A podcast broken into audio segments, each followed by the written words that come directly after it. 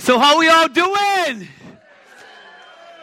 All I ask, all I ask is one thing. Strap in for one more. Strap in for one more, then we'll go stink and have a barbecue. And I don't care if you have a food fight. But let's just strap in for one more message. Can we have you for one more message? And all I want to ask you to do is just loosen up because then you lighten up and then you listen up. So just loosen up a little. You know, it's this has been an amazing two days. A lot of great things, a lot of great training and teaching, a lot of great fellowship. There is nothing like the fellowship of youth and family workers and leaders. Nothing. I mean, the energy is like is like rocket fuel. And you know, I know who I'm with. I'm with my friends. I'm with my ilk. I'm with my brothers and sisters who do the battles in the trenches of the youth and family ministry. And it is an honor to speak to you tonight. You know, at our last family conference, we had 1,100 people in attendance. And the reason we're here doing this conference in Dallas is because of the uh, spiritual momentum of that conference. And we were with the youth and family workers, and we asked, we said, hey, how many have never been to a training like this? And this is why we're here today. And, and I think this has been phenomenal. It is going to build a network that I believe will bear much fruit for a long, long time. My message is for all churches, all small churches, all large churches. But before I go into the message, I first want to commend all of you. Thank you deeply for all the work that you do. All the parents around the world, thank you deeply from the bottom of their heart. You know, you bear present and generational fruit. 36 years ago, January 1982, I became a disciple. Four months later, my biological brother Joe became a disciple. Fast forward to 2018, now all three of his kids are disciples. So we bore present fruit in 1982 that bore generational fruit in 2018. Each child, preteen, and teen you work with who becomes a disciple will be passing down their faith as well as winning disciples in the world throughout their We have over 10,000 children and teenagers across the United States, Mexico, and Canada. 10,000. It's usually the children and teens are about one third of the big churches. In Boston, we have 2,100 members with 700 children. Imagine if they all become disciples. In the smaller churches, it's over half the membership usually. A church in South Florida has 130 members with 80 children and teens. That's over 60% of the membership. The number of children and teens we have is unprecedented in our history. What you do matters. The greatest test of leadership is what we leave behind. Psalm 145, verse 4 One generation commends your works to another, they tell of your mighty acts. We must keep the fire of Jesus burning from generation to generation. We've got to keep that fire burning and we've got to pass it down. My vision is 20 years from now, and I believe it with all my heart, that we will have the strongest church that we've ever had in our history. I pray this vision will give a zeal to you that you've never had in your life. That you've never had in your life. My first point are you ready? Are you strapped in? Okay, good. We grow together. You know, we're stronger together, right? You know, we have all New England events in the Boston area, once a month, and these churches from Connecticut, they travel two hours to get to this event Every month, they're there all the time and they're there early. It's because their smaller ministries see 300 teenagers worshiping God and they see strength in numbers. And I want us to see that. We have 280, almost 300 youth workers. There's strength in our numbers. And we have got to access the strength of each other. How are we stronger together? Humility. Humility from all of us. Ephesians 4, verse 1 to 2 As a prisoner for the Lord, I urge you to live a life worthy of your calling that you've received. Well, what's part of that calling? Be completely humble. Humility will get all of us to heaven. We got to be completely humble. Humility is learning from others. How do we learn from each other? We steal from each other. You know, there are two contexts of stealing one is sin, and the other one is highly beneficial. You know, when I was a, um, when I was a teen, you know how teens do things and you scratch your head? You, yeah, you know. I'm, I was one of those. So back in the day, you know, we used to, my teenage years, listen to record albums. So me and my friend went to a record store to buy some albums. My friend went and stole it and had it put in the. I go, it was pretty impressive. So me, I said, hey, I'm going to steal one too. So me, not the sharpest knife in the drawer, I get an album and I had a tight shirt on and I put it under my shirt. And there I am, and I stuck out like a Yankee fan at a Red Sox game. I'm walking around. And then two seconds later, the security guard grabbed me and says, You're busted. Of course I'm busted. Of course I'm busted. Oh, that's the sin part. So, how does it benefit you? You know, 10 years ago, we started a teen led conference. First one we've ever done in our family of churches. Will Garcia came up, came, flew up to Boston just to learn how to do a teen led conference. These teen led conferences, this is the purpose. We don't look down on teenagers because they're young. Teenagers are leaders of today. And our God is going to do great things through teens today. So Will came up, and now they do a teen led conference every year in Texas because of Will's humility, and their church is stronger because of that. And you say, wow, teen led conference, Phil, that was a brilliant idea. No, I stole it. I stole it from a book I read. You got to steal. You got to be good at it. You might even look smart. we got to learn. There are books that you should read Owning Faith. It's for parents and youth workers, family based youth ministry. Grounded Material by Dave and Beth Proctor. Great. You want to know how to teach classes in a practical way, in a creative way? Jesus Centered Youth Ministry by Rick Lawrence. More resources. Learn. Send your kids to Hope Youth Corps. Two no brainers of teen ministry Hope Youth Corps, Teen Camp. They change the eternities of teenagers, they change the eternities of teenagers. If you lead a youth ministry, get on GroupMe to get stories and ideas and get those ideas and breathe life into your ministry. If it's at a turtle's pace, get these ideas, get the good news. Say, hey, there are teens all over the world doing great things. We can do it too. There's strength in numbers, but the only way you get that is through humility and being willing to learn from each other. How are we stronger together? After this conference, let's stay connected. Invite one another if able. Join one another in events. Get help from others where you need it. Learning from others is powerful. Access this power through humility. One horse pulls 2,500 pounds. Two horses can pull 12,500 pounds.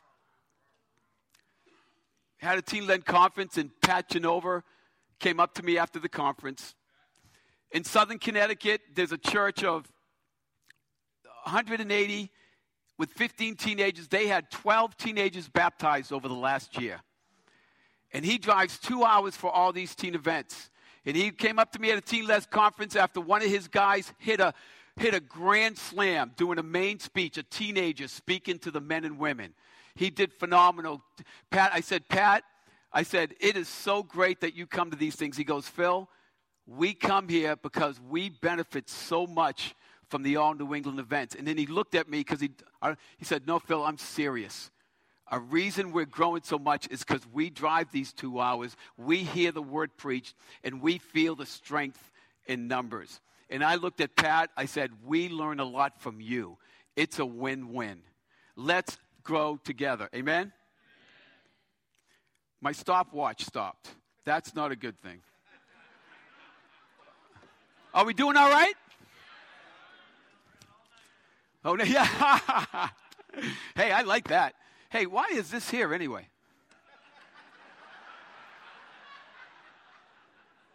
Man, because I, always say, well, yo, you only walked on that side of the room. I know that thing was in my way. I couldn't help it. First, we grow together. Second, we grow to last. Please listen closely to this. In our family of churches, we had 8,500 people become Christians. I thought that was pretty exciting, or were restored. Then we had 7,100 stop attending. We got to grow to last. Youth ministers, our goal for every teen who becomes a disciple is they stay a disciple through their lifetime. We are called by Jesus to go make disciples. We are called by Jesus to go and bear fruit, fruit that lasts. 2 Corinthians 5, verse 20, it says, We are therefore Christ's ambassadors as though God were making his appeal through us. Jesus speaks through his disciples. He speaks through their words, their actions, and their example. Our highest calling in life is we represent Jesus to others. Can you give a little whoa? Yeah, whoa. We represent Jesus to others. Parents represent Jesus to their children. Well, I'll talk about that tomorrow. I'm talking about today, youth workers represent Jesus to teenagers. God is making his appeal to teens through you. You disciple and spend time with them. You teach and preach to teens. Teens are impressionable. I want to talk about the power of personal example. Does your personal walk with God inspire others? Inspire is to motivate by divine influence, meaning God's influence. You cannot pass on what you do not have. Listen to this in our relationship with God, Luke 5:16. But Jesus often withdrew to lonely places and prayed. Mark 135, very early in the morning while it was still dark, Jesus prayed. Luke 6:12, Jesus went up on a mountainside where he prayed all night.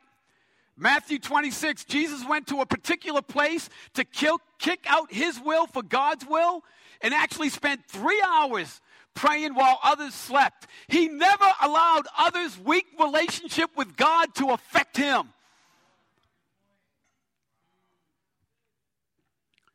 What stops you from being good with God?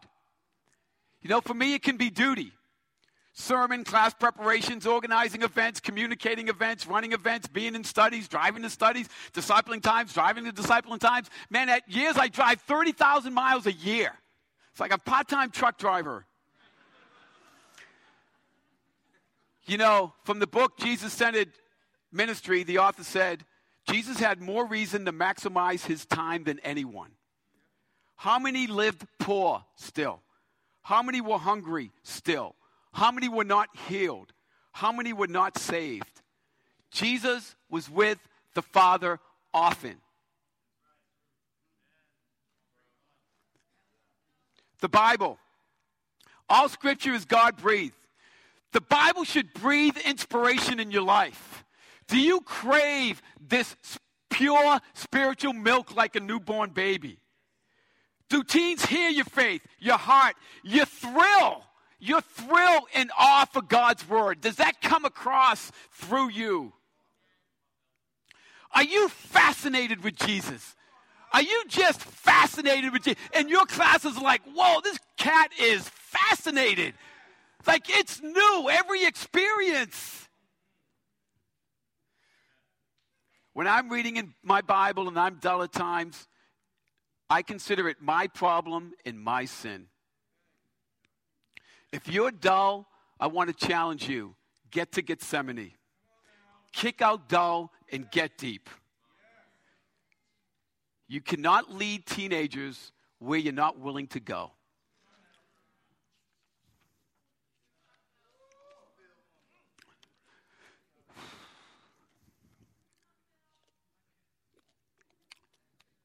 Hebrews 4:12 also the word of God is living and active, sharper than any double-edged sword, penetrates even dividing soul and spirit, joints and marrow. It judges the thoughts and attitude of the heart. The word of God is living. It's as relevant today as it was yesterday as it will be tomorrow. You know, we talk about the relevance of culture. How about the relevance of God's word, word being applied to culture? How about that? How about talking about that loudly? Culture will never dictate God's church. God's word and its commands do. I'm going to get in that a little later. The Word of God is active. Scripture should change our lives, it should change our lifestyles.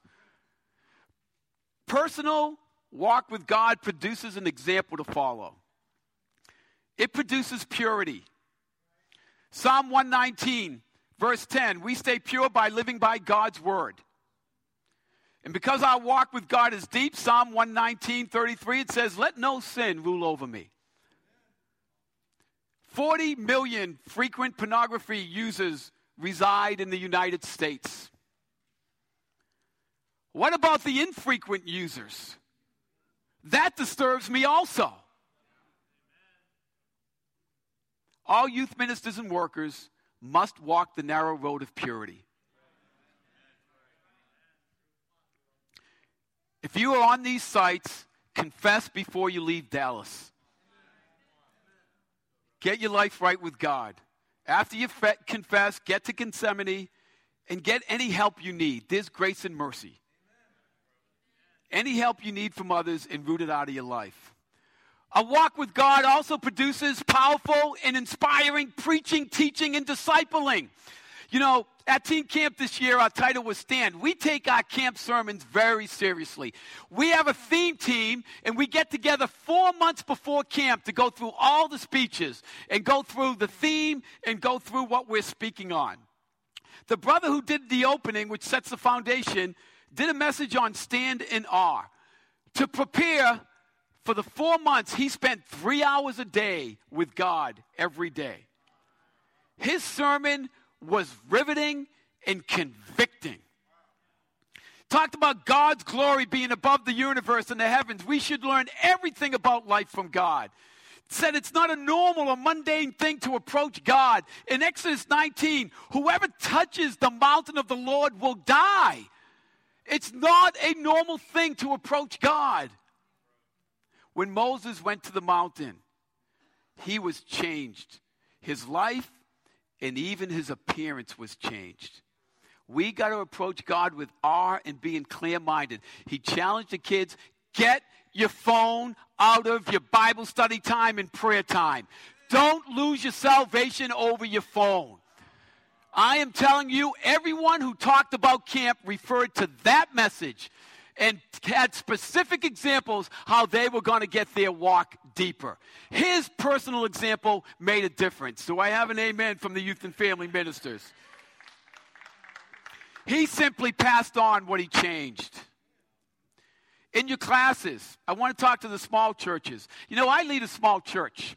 I do different regions, and, and there was one region I led for a couple years called the downtown region. There were eight teenagers made a decision a long time ago. If I speak to 400 people or I speak to five people, I'm bringing the same zeal and energy and love to that group than any other group. It's going to be the same.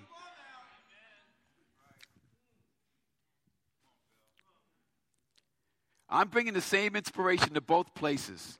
Our classes were fun, interactive, uplifting, and challenging. You know, one de- young man, Dean No, he's, um, he's from the world and he lives with his mom. His father was murdered when he was two years old. He lives in the world. We studied the Bible. He loved the classes. He was convicted by the classes. We got together for the first study. He said, Phil, I was born for a reason. I want to know that reason. That young man was baptized, and now his younger sister's coming to church, and she's close to becoming a Christian. You got to bring it in your classes with the small classes. Do I have an amen from the small churches? Small church leaders, are you fascinated with Jesus? Does he blow your mind? If so, it'll show up in your class. The power of training teams and personal discipling. You know, please get the tape that Jake Rock when he spoke to the men. Get the tape of my wife and Michelle's phenomenal class for the women. Phenomenal class. But I do want to talk about discipling teens. That, that the Bible being life for you helps you connect teens to the Word of God, being living and active in their lives and personal discipling. You got to connect them to the Word and all their experiences. One aspect I have time for helping the Word of God come alive even when it goes against the culture. Training teens on taking stands on Jesus' truth. Moral relativism what is true to me is my truth, and what is true to you is your truth, and we're both okay. You're not okay if you're not okay with Jesus. You're not okay if you're not okay with Jesus. But we got to lead these teenagers to be prepared to answer.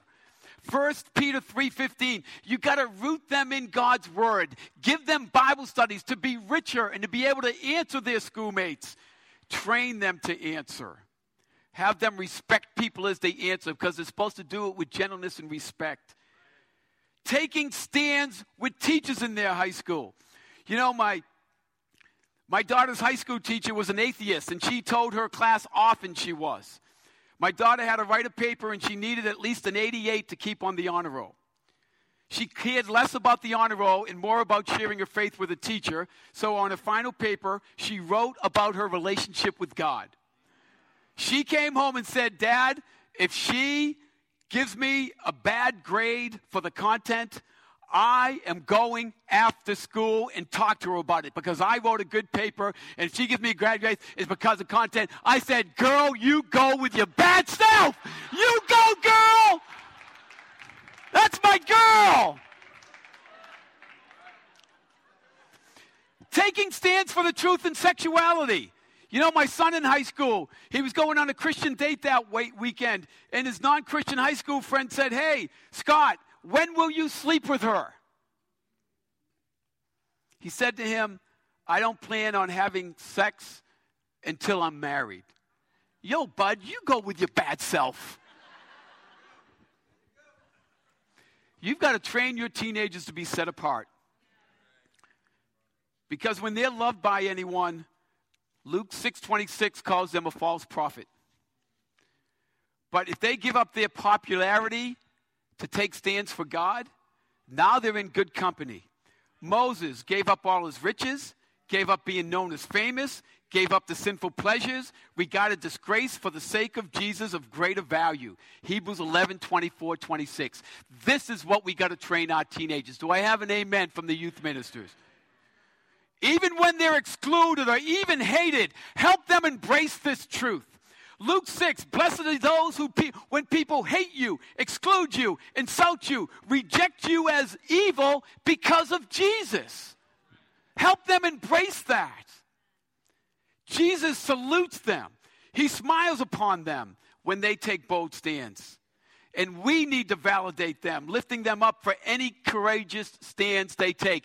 Anytime I am with a big audience. I have all the adults say, Do we respect the courage of the teenagers? All the adults usually stand up and cheer for them.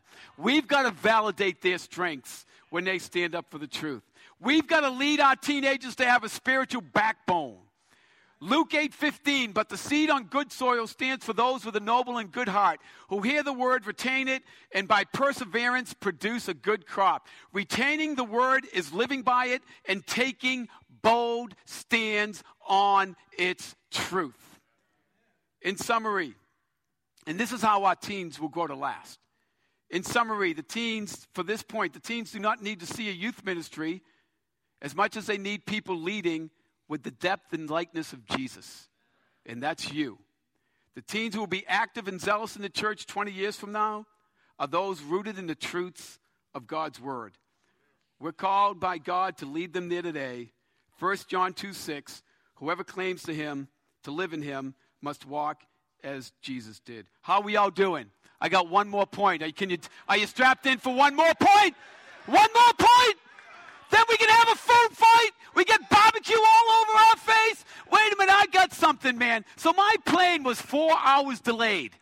Okay? And so they that hot eight thing that Kurt talked about last night, I missed it because my plane was late. So then Todd Assad tells me out there, every time they ate food, they gave you a moment of silence. And they, man, that's the epitome of be warm and well fed, Phil. I mean, man alive, I'm telling you. All right, my last point. Last point is grow now. Not to us, Lord, not to us, but to your name be the glory because of your love and faithfulness. Let me, sh- I will say, the good news is pretty overwhelming in a great way to bring honor to God. Smaller churches, the Mountain Rock Church of Christ, they have 10 teenagers. Last two years, they've had seven baptisms. Three were converted from the world. Berlin, Germany has 15 teenagers. They've seen three baptisms already this year with just 15 teenagers.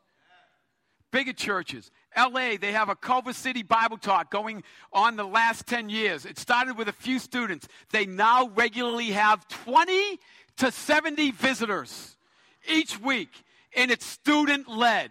Students, you go with your bad selves. Let's go. From last August to this August, the Toronto church has seen 30 teenagers baptized. 97 teenage baptisms in the ACR region of churches. Nova has 18 seniors, 16 are disciples. Philly has had 20 baptisms. Seven of these do not have Christian parents. And glory go to God in Boston from the beginning of the summer till now, and we're not done, God's not done yet. We've seen 20 teenagers baptized in like a five month period, and God's not done yet. Please go back and tell your churches the good news. Show them others are standing up for Jesus, just like them. But I want to challenge us growing now, we got to keep this fire burning. 1 John 4 17, this is how love is made complete among us, that we still have confidence on the day of judgment. In this world, we are like Jesus. I want to be confident on the day of judgment. How about you? We're called to be in this world like Jesus. Let's look at Jesus' mission. Luke 19:10 For the Son of Man came to seek and save the lost. Our youth ministry should be passionate about this. Mark 1:14 Jesus went into Galilee proclaiming the good news of God. Proclaiming means Jesus taught about God publicly and openly. Publicly and openly. No shame. No shame.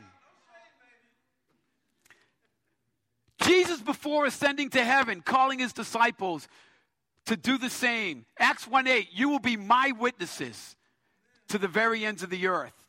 Jesus' disciples listened. Acts 5:42 day after day in the temple courts from house to house they never stopped preaching never stopped proclaiming publicly and openly the good news that Jesus is the Messiah last verse in Acts 28 he proclaimed the kingdom of God and taught about the Lord Jesus Christ with all boldness and without hindrance seeking and saving the lost should be part of our DNA. That should be part of our DNA. We are the 2018 version of Jesus' call to the mission. Power of personal example. How is your personal ministry?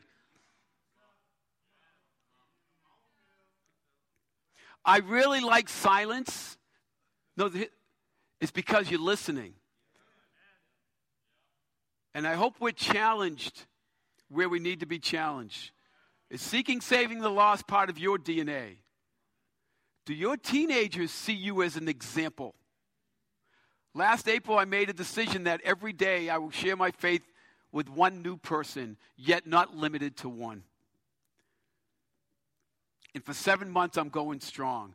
It Doesn't matter if I'm home or if I'm traveling, I'm sharing every single day with new people. I'm going to meet them face to face. Just a few stories.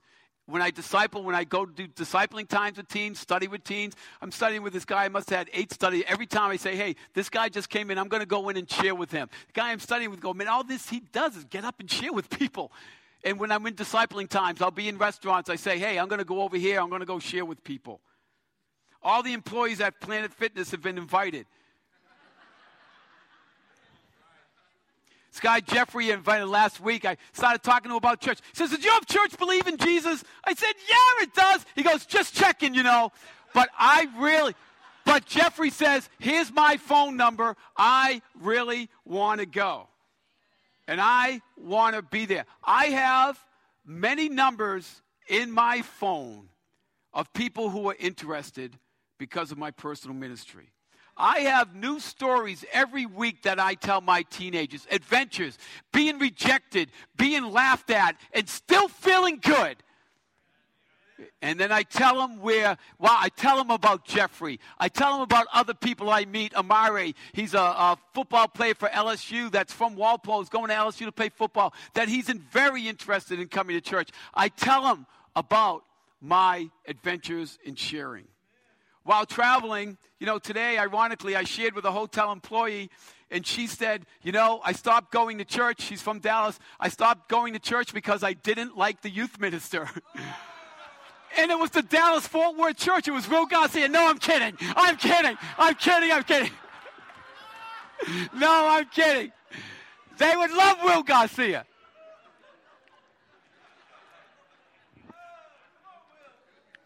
But she said, you know, because she says, I want my kids to be part of a church. I'm going to call my husband and I'm going to tell him about the church. And I want to see your youth ministry. ACR conference two weeks ago, same thing. Spoke to workers at the hotel, people in the airport. Then I had my message for the ACR. We're outside on the beach, and on the left of where I preached was a pretty big entrance from the street. I preached to the teens on one death, one judgment, and one eternity. I told them, You're not a kingdom kid. You are either in the kingdom or you're not in the kingdom. There's no such thing as a kingdom kid. Let me give a little bit of a side note from a preacher that is way better than I will ever be. Sam Powell said, If there's no fire in your sermon, throw your sermon in the fire.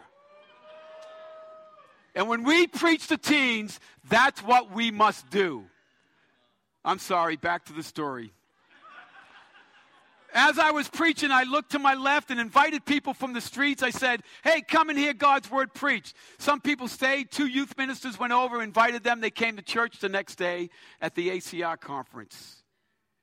You know, youth workers and ministers, are you known by others that sharing your faith is your lifestyle? I challenge all of you to get out of your comfort space. All of you. We're all disciples. Teen leaders should be known to be evangelistic. Youth ministers should be known to be evangelistic. Jesus came to seek and save the lost. Jesus openly and publicly shared his faith. And now, the power of training teenagers. Every youth ministry should be training their teens. That is not just left for the campus ministry. Take teens out with you. You know, it's really cool. Took Tim and Geo out two teen disciples to have fun, you know, and share our faith. We stopped the car, this guy at the bus stop. You know, I don't mind being a little weird, man. I'm going to stop the car, park right by him, and going out. I'm going to share my faith with him. Hey, I'm introducing what I'm doing. So I get out, park the car on the side. I said, Gio, come with me. Shared, shared my faith with a guy at the bus stop. He was a high school student. Went mini golfing, shared with a young college student, shared with a, a college student couple behind us. Went to the food court after, got something to eat, shared our faith with about five people uh, as we we went to the food court, and then I stopped and I said, Hey, wait. We shared with a bunch of people. I said, Man, I'm the only one who shared my faith. You guys are just watching me. So I picked out a six-four guy. I mean, he was huge. I, t- I go, guys, go over and invite him, and I'm going to watch you. And to their credit, they did, man. He goes, Phil, they weren't open, but you did what God wanted you to do. Do you know everyone we share, every time we share our faith, we're successful? Because we're doing what God is asking us.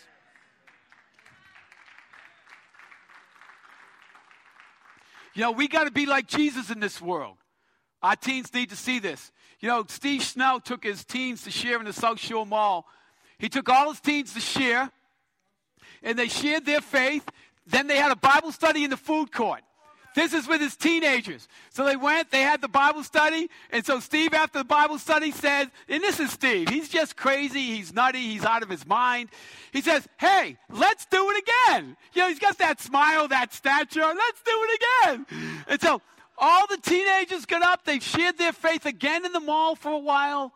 They had a Bible study, and a girl that was baptized three hours ago brought two visitors to that Bible study. Is that a great story or what? How are we doing?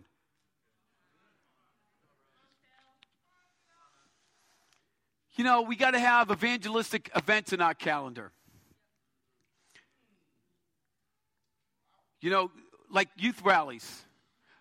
I love this, my man Steve. Steve's with me, so I can. So I loved how Steve announced the youth rally to teenagers. So basically, we set up the youth rally so friends from the world will come. We want friends from the world to become Christians, right? We want friends from their high schools. So Steve got up and said, Hey, teenagers at a devotional. And he's got this stature, his back is all straight and everything like that. He walks around like this and said, Teens, I go, this youth rally is for all the heathens in your high school. He said, There is no worship. We're not doing any singing.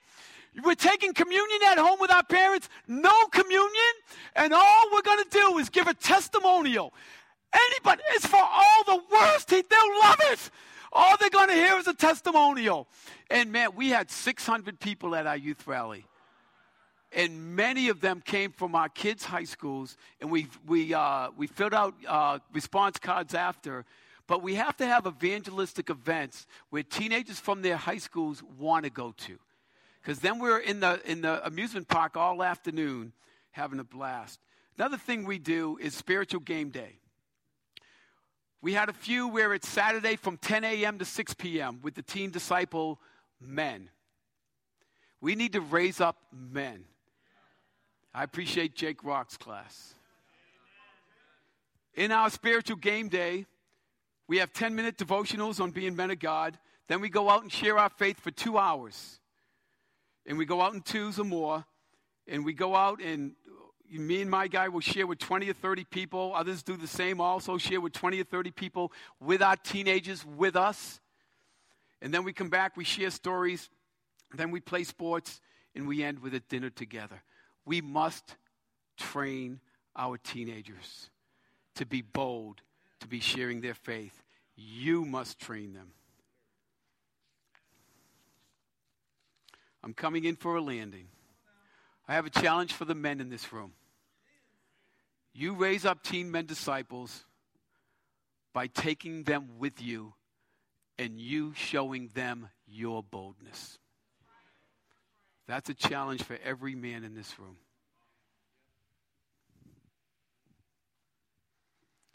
Every youth minister and youth leader in the United States should be known for boldness in sharing their faith. You cannot lead anyone where you're not willing to go.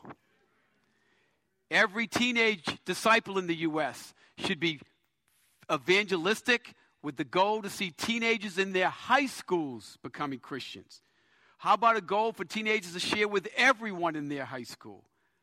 Let's make Jesus known publicly and openly. And in conclusion, how will our church be strongest in our history 20 years from now? It'll be the youth ministers and workers stepping up and making hard decisions today. Today, you go and learn from others. Today, get away with God often to change, to be more like Jesus. Today, openly and publicly share your faith as you go and make disciples. And today, pass on this faith to the teens. And let it be said of us 20 years from now, now what it was said of Jesus zeal for God's house consumes us. Thank you, and have a great barbecue dinner.